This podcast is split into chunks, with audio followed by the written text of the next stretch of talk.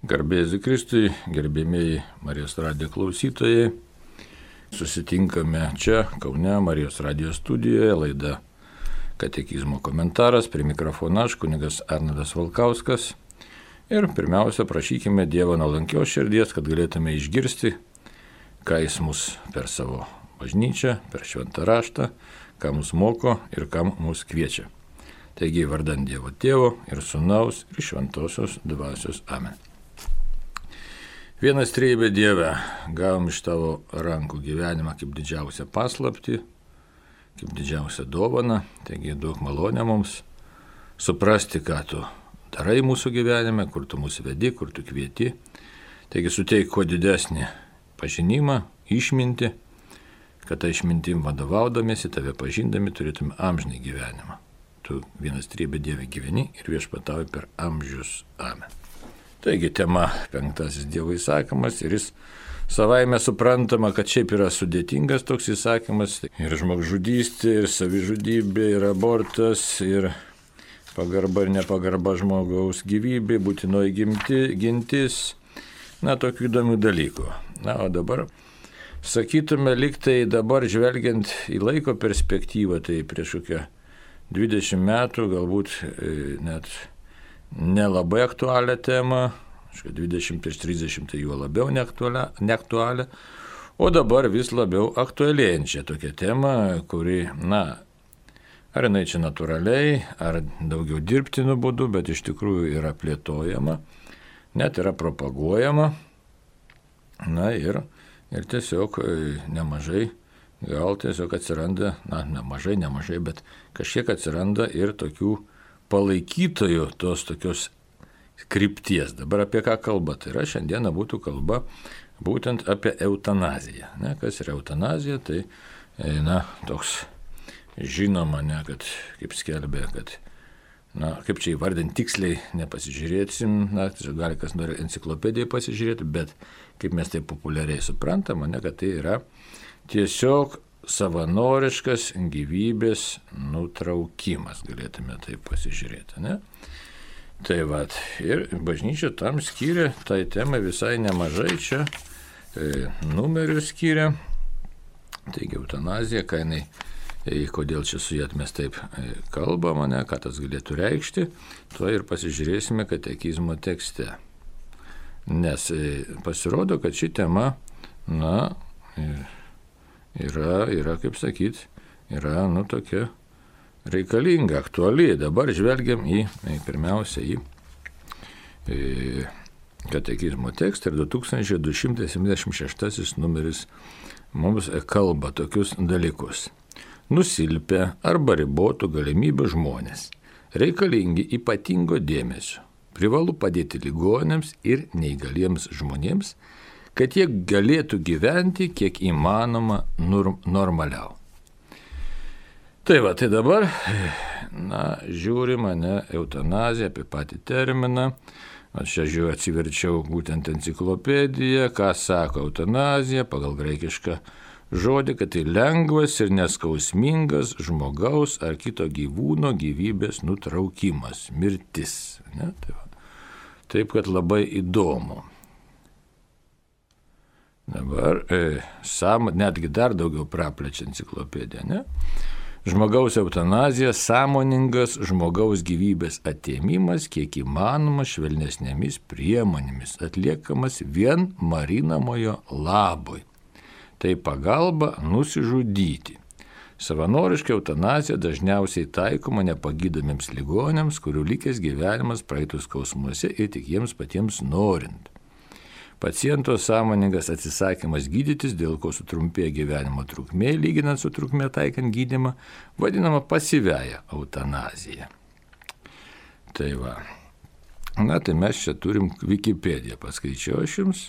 Tai aišku, kas norės dar pasižiūrės toliau čia tos enciklopedinius aiškinimus, bet įdomybė to ir tokia dar, tokio iš, iš enciklopedijos žinių dalyje valstybių, tarp jų Lietuvė, tai yra uždrausta. Tam tikros eutanazijos formos leidžiamos Belgijoje, Luksemburgė, Niderlanduose, Šveicarijoje, Oregone ir Tailande. Tai va, žiūrėkit, kas dar įdomiau. 2014 m. vasario 13 d. Belgijos parlamentas balsavimu priėmė įstatymą leidžiantį atlikti eutanaziją, neribojant paciento amžiaus. Belgija yra vienintelė šalis pasaulyje prieimusi tokį įstatymą. Čia aišku kol kas, bet matot, tai kad mes apie tai, ką galbūt anksčiau net negalėjom pagalvoti, dabar tai jau vyksta realiai ir, matot, čia dar aš jau per daug nežiūriu, čia enciklopedija, bet tai yra, jeigu enciklopedija vardina, tai yra faktas. Tuo tarpu, tuo tarpu katekizmas kalba visiškai kitą dalyką. Tai dabar ką sako, atvirkščiai nusilpia arba ribotų galimybių žmonės reikalingi ypatingo dėmesio. Ne? Ir privalu padėti ligonėms, neįgaliems žmonėms, kad jie galėtų gyventi kiek įmanoma normaliau.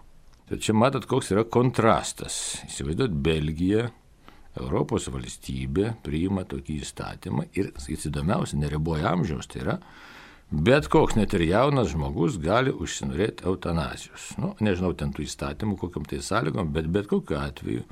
Skamba tai labai žiauriai, kadangi tai yra, kas pasakyta, savanoriška pagalba savanoriškai savižudybei.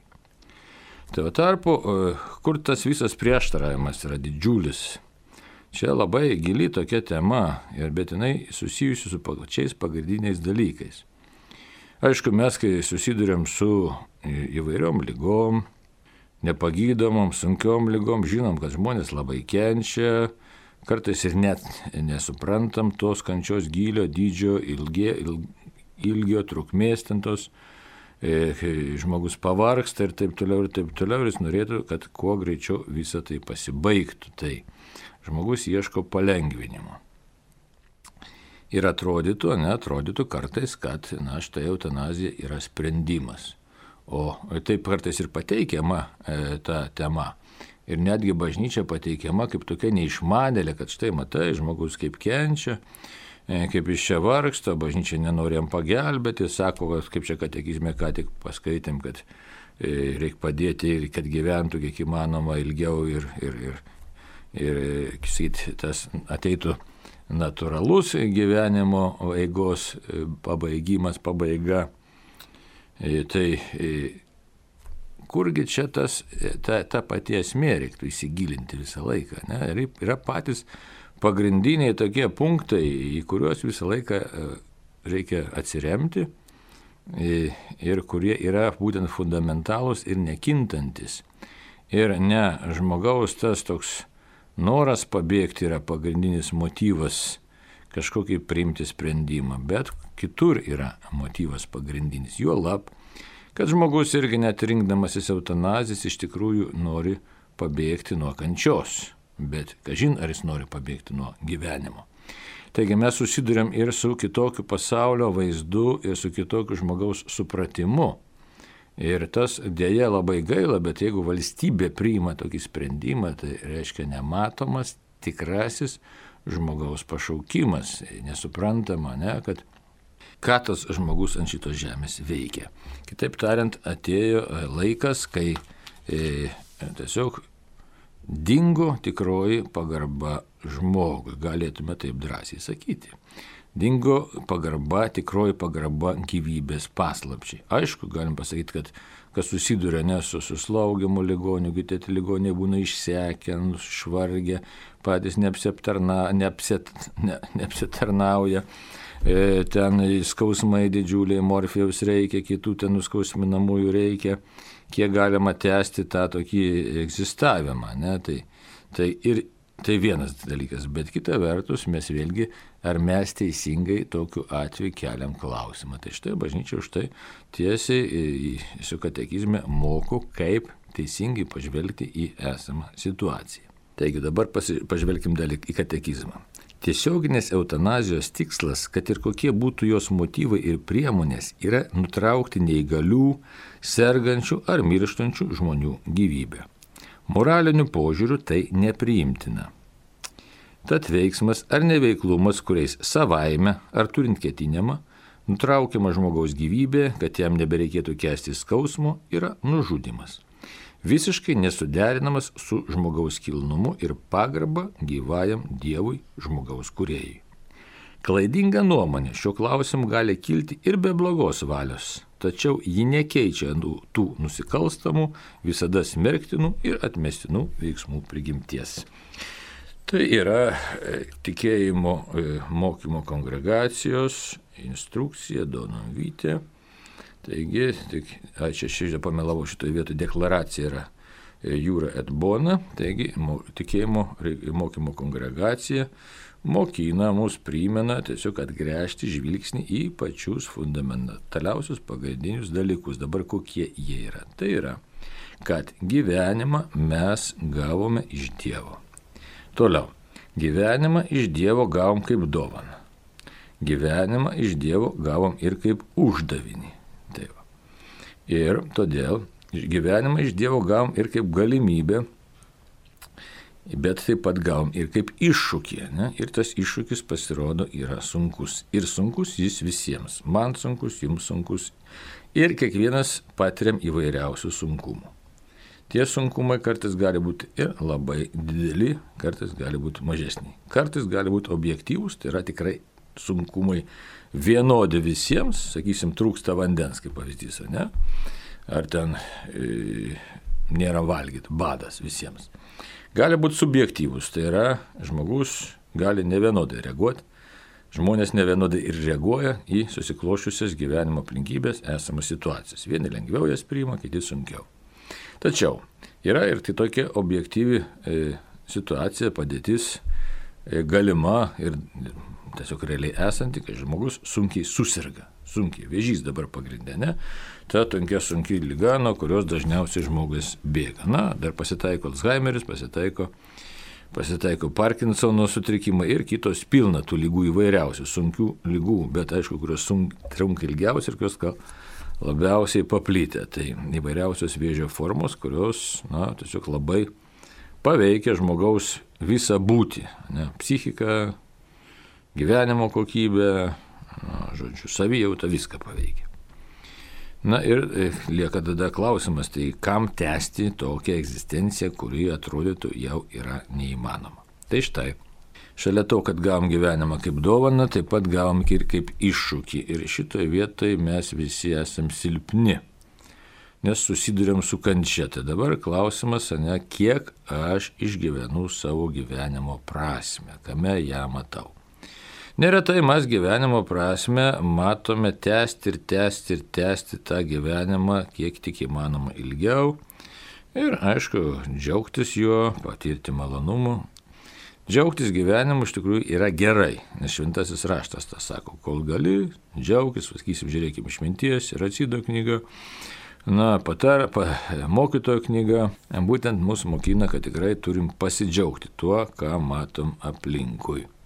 Tačiau ne visą laiką yra paprasta džiaugtis, bet to tie džiaugsmai yra skirtingi. Tai yra džiaugimasis e, tiesiog, kad gali pavalgyti, išgerti, atsigerti, gerai jautiesi, gali judėti ir artimi žmonės šalia tavęs. Tai yra tie natūralūs tokie džiaugsmai. Bet, kaip šventas raštas kitoje vietoje sako, džiaugimasis viešpačiu yra mūsų stiprybė. Taigi, mes susidurėm taip pat su realybė, kad žmogaus gyvenimas kupinas e, kančios, kupinas skausmo, e, to išvengti pasirodo neišeina, aišku, visokių paaiškinimų yra, kodėl taip yra, bet tai yra realybė. Ir šventasis raštas dar ką sako, ne per daugelį kančių turime eiti į garbę. Daug tokių panašių vietų e, galime rasti. Tai štai susidurėm su kitokios plotmės mąstymu, kad Dievas mus pašaukė, Dievas mus veda pas save ir jisai žino, kada reikia mūsų pasikviesti, tai yra nutraukti mūsų gyvybės siūlą. Dabar šitoje vietoje nėra taip paprasta mums visiems ne priimti. Ir įvairiopai, kiekvienas reaguoja skirtingai, ne? kas bėga nuo kančios, kas atvirkščiai palūšta, kas tikisi vis nugalėsęs tą kančią, kas atvirkščiai ima gyvenimą keikti. Na, įvairių būna reakcijų, taip kad niekas nežino, kaip iš tikrųjų dideliai bėdai ar dideliai lygai, sunkiai lygai prispaudus mes reaguosime, mus asmeniškai prispaudus arba artimą žmogų.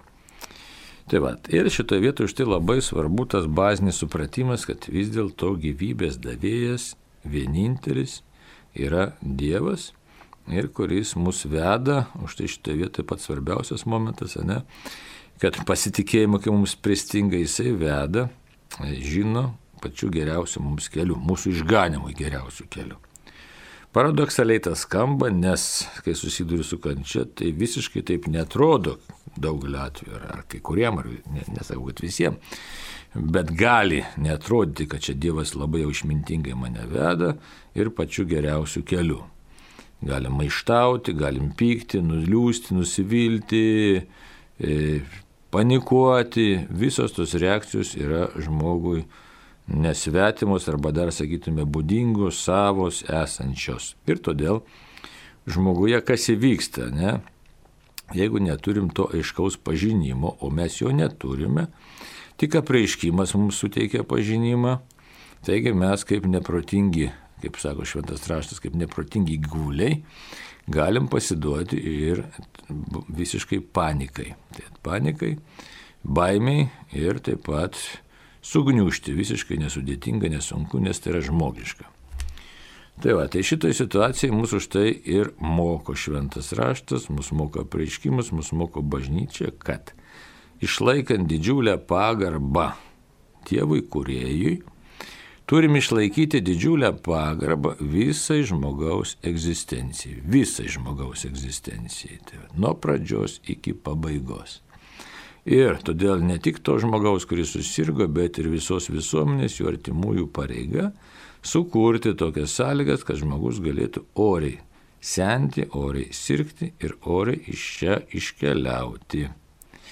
Tai va, taip kad, e, aišku, e, susidurėm su prieštaravimais įvairiais, susidurėm su įvairiais mąstymo stiliais, nepatogumais, visko yra. Ne? Ir tada kyla tokia mintis, ne, tokia iš tikrųjų bedieviška mintis, kad štai reikia pagelbėti žmogui iš čia iškeliauti. Da pasižiūrėsim, tai kuo tai yra iš tikrųjų labai rizikinga, labai rizikinga, bet dabar kažkas paskambino, nes skambučio sulaukiam, vykintas rodo. Taip, mums paskambino Jonas iš Vilniaus. Klausom, Jonai. Garbės Kristai. Per amžius. Iš ties esu prieš eutanaziją kaip krikščionis ir, ir, ir dabar jau kalbam apie tai iš tikrųjų, kad tai yra uh, blogybė, bet alternatyva eutanazija yra paliatyvioji pagalba, kokybiška paliatyvioji pagalba, kuri, nu, sakykime, neverčia žmogaus ieškoti nusižudimo. Bet at, ar, man kyla klausimas, ar mes, būdami krikščionys, kalbėdami apie tai, kad eutanazija blogybė, ar ką nors darom, ar tai yra tas karitas, kuris, kuri, kuris bažnyčioje turėtų būti, ar jisai mus verčia daryti, kad to, tos eutanazijos niekas nesiprašytų. Nes dabar kaip ir uh, bažnyčia, neturiu menį tik tai, sakykim, uh, kunigus ir įskupus, bet ir bendruomenės nariai uh, daro, kad uh, ta, vat, būtent ta palėtė pagalba atsirastų mūsų bendruomenėse, mūsų, mūsų uh, šeimose, uh, miestuose, nes tik tai vienas hospisas yra Vilniuje. Ir, ir tuo liktai bažnyčia apsiriboja. Nėra kažkokio tai tokio, va, sakykime, ėjimo visuotinio bažnyčios požiūrio į šitą uh, problemą, kuri, kuri iš tikrųjų aktuali. Tai ar moralu uh, krikščioniui, būnant krikščioniu, uh, sakyti, kad eutanazijos nereikia, bet nieko nedaryti, kad mes užtikrintum tą palėtį pagalbą. Gerai, dėkui, Jonai. Taip, galima nuo tos antros dalies atsakyti. Moralu visą laiką sakyti, kad eutanazijos nereikia, nes eutanazija tai yra, kaip pasakyta, ne, arba žmogžudystė, jeigu artimieji tą daro, arba e, prisidėjimas prie savižudybės. Tai tai vienas dalykas.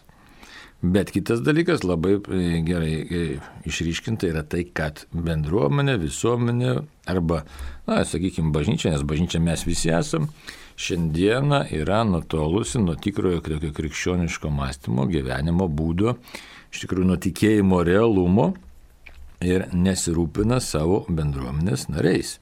Nes laukiam, kad kažkas kitas tą padarys paprastai, ne kažkas turi padaryti. Tai yra, na tiesiog esam tokioj situacijoje šiandieną ir mūsų tas tikėjimas, jis praradęs gyvumą, praradęs atsakomybės tą tokį dėmenį ir tą, kad ką tai reiškia. Tai reiškia, kad na tiesiog prasti krikščionis mes šiandien esame ir na, laukia mūsų ilgas atsivertimo kelias. Tai už tai Tie žmonės, kurie patenka į bėdą, jie neretai pasijaučia atstumti, vieniši, nereikalingi ir jų kilnumas tiesiog, na, galim taip, na, galbūt užaštrinant, bet pasakyti sutrypimas, o gal net ir neužaštrinant. Tie, kas pateko į kokią rimtesnę bėdą, tą lygą, tai tikrai žino puikiausiai, kokius kryžiaus kelius reikia eiti.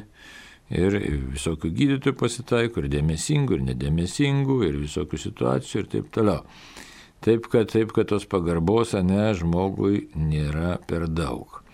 Kas dabar ta atsakingas, nes tai atsakingiam mes galim padaryti bet ką, vyriausybė, prezidentė, dar ką nors, bet iš tikrųjų tai paprasčiausiai mes tokie esame, toks mūsų šiandieną dvasinis pasaulis. Čia yra faktas. Čia yra didžiausia problema ir didžiausia blogybė. Čia yra, o ne kažkur kitur. Tai nustojom būti tikrais krikščionimis ir labai skubom, norim labai visi neblogai, patogiai gyventi, kratyti sunkumų, visi mes tą darom. Šių dienų žmonės tapom, na, sakytume, paviršutiniais žmonėmis. Mūsų nebežavi galimybė patarnauti kažkam. Tai, tai reikia prisipažinti, kad tokie esam, tapom didžiuliai egoistai Nuo to savo egoizmo labai kenčiame, na ir kitiems ne, nepadedam jų gyvenimo varguose. Čia ne kažkoks moralas, tiesiog reikia e, įvardinti situaciją tokią, kokia ji yra. Jinai yra būtent tokia. Tai jeigu mes čia stebėmės, ne vienas hospisas Vilniui, tai reikėtų pasižiūrėti geriau bažnyčios istoriją, ne? E, buvo įvairiausių momentų, bet tą pačią Elžbietą Vengrę įmantą, ne karalienę, kuri kuri labai jauna, ką padarė, steigė ligoninės, ėjo ten pati patarnavo ir taip toliau. Tai kas ją, jauną moterį, į, į, tiesiog įtaigojo, kad eitų, darytų tuos labdaros darbus. Tai griniausiai, na, galim įvairiai vadinti šventosios dvasios įkvėpimas, bet tai pirmiausia krikščioniškas požiūris į žmogų, Pagelbėti žmogui, kuris kenčia, pagelbėti žmogui, kuris yra varge.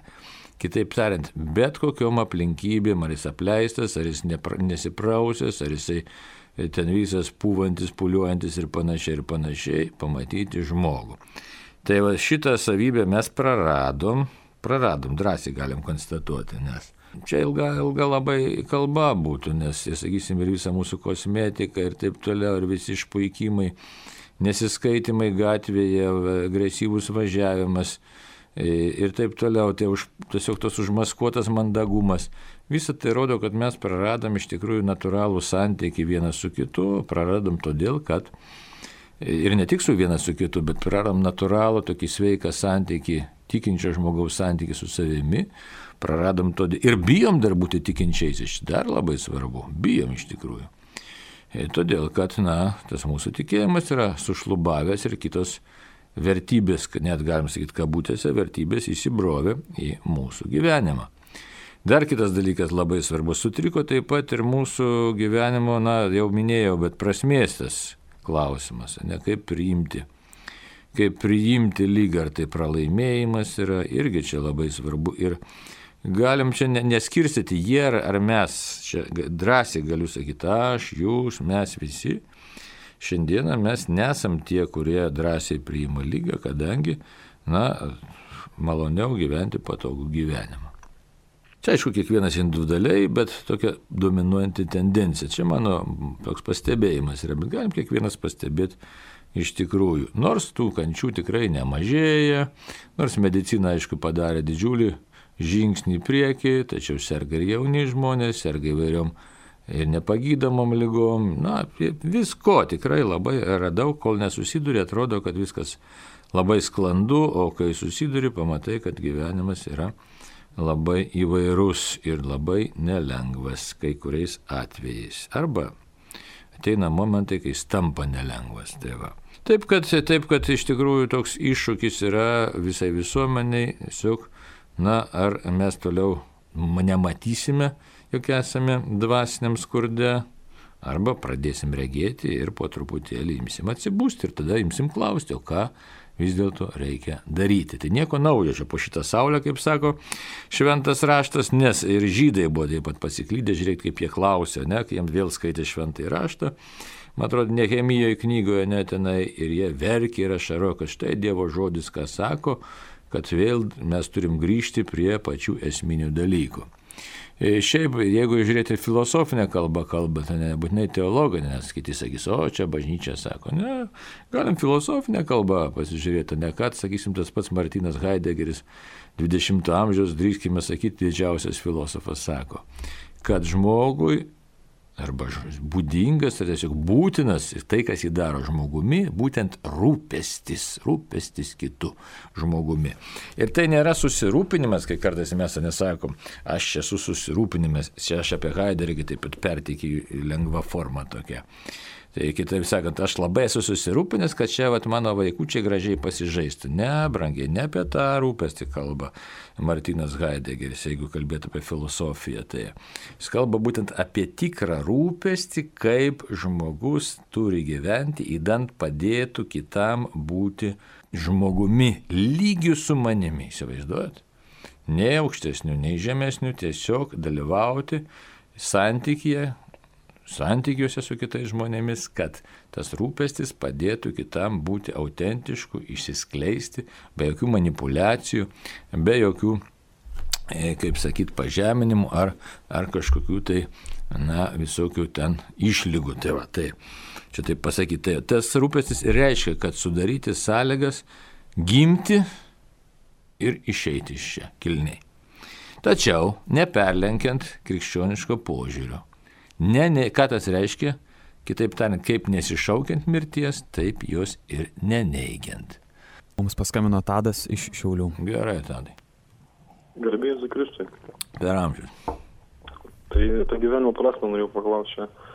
Turbūt Dievas nori iš visų mūsų, kad gyventumėm teisingą gyvenimą, bet kaip žinoti žmogui, ar jis gyvena tą teisingą gyvenimą iš žemiškos pusės, nu kaip čia dabar. Supratat, esmė. Ja, ja.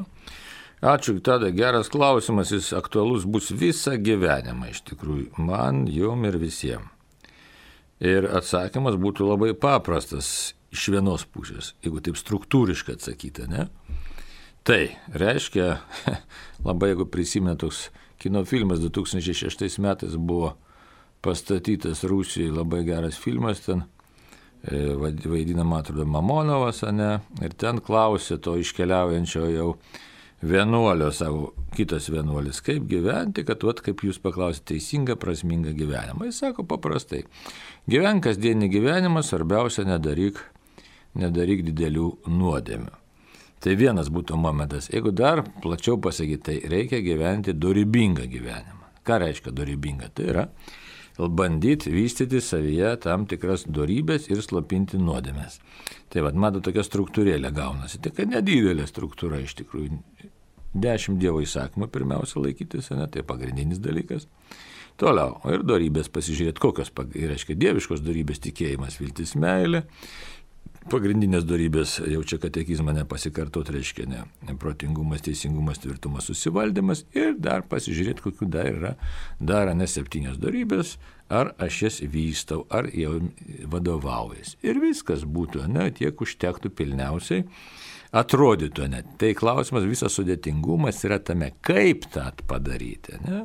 Ir pamatysime, kad po truputį, kad esam pilni ir puikybės, ir išdidumo, ir tuščia garbiškumo, tai aišku, tom temam labai nemažai jau yra literatūros išleista. Tai jeigu taip struktūriškai, kaip minėjau, grįžta, ne kad tai pasikartot. Dešimt dievų įsakymų, penki bažnyčios įsakymai, Aiškiai, didysis įsakymas pats pagrindinis tai yra švento rašto kalbėjimas. Tai vat, vienas, paskui bažnyčios mokymas eina ir paskui labai sveika būtų pasižiūrėti, ką darė pirmieji krikščionys, jeigu kalbėtų apie dykumų tėvus, apie bažnyčios tėvus. Nu, čia jau kiekvienas žmogus, kiek jis yra tos literatūros, kiek jis galės pasiskaityti, kiek jis galės pritaikyti savo gyvenime. Kartais reiktos literatūros daugiau, kartais mažiau, kartais kitas žmogus taip randa gyvenimo kelią. Tai, bet prasme yra iš tikrųjų mokytis Dievo ir artimo meilės, jeigu tai paprastai pasakius. Visai, visai paprastai. Ne? Mokytis visą gyvenimą. Niekada mes to pilnai neišmoksim, niekada nepasakysim, kad štai jau aš čia kažką padariau.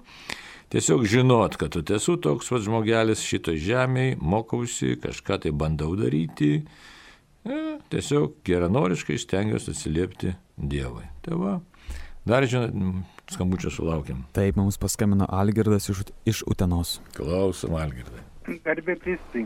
Aš noriu paklausti, bet prieš tai pasakyti, aš, pavyzdžiui, e, slaugiau savo mamą sergančią septyneris metus, jinai nebuvo beviltiškas ligonis, bet turėjau atsisakyti darbo ir, ir šiaip iš tikrųjų tai visai manęs nesunkino ir ne, negalvoju apie tokius dalykus. Bet jeigu man tai būtų, tai aš pagalvočiau, kad tai būtų naudinga, kadangi esu vienišas, tai mano ten artimiesiems būtų problemų. Dabar noriu paklausti kitą klausimą. Juk Kristų nukryžiuota jį, kur jam padavė kempinę perūgusio vyno, tai kaip man teko skaityti, tai buvo vadinamas tarso vynas su narkotinėmis žolėmis, kurį gamino dievobaimingos moterys ir tuo vynu, to vyno duodavo pasmerktiesiems, žodžiu,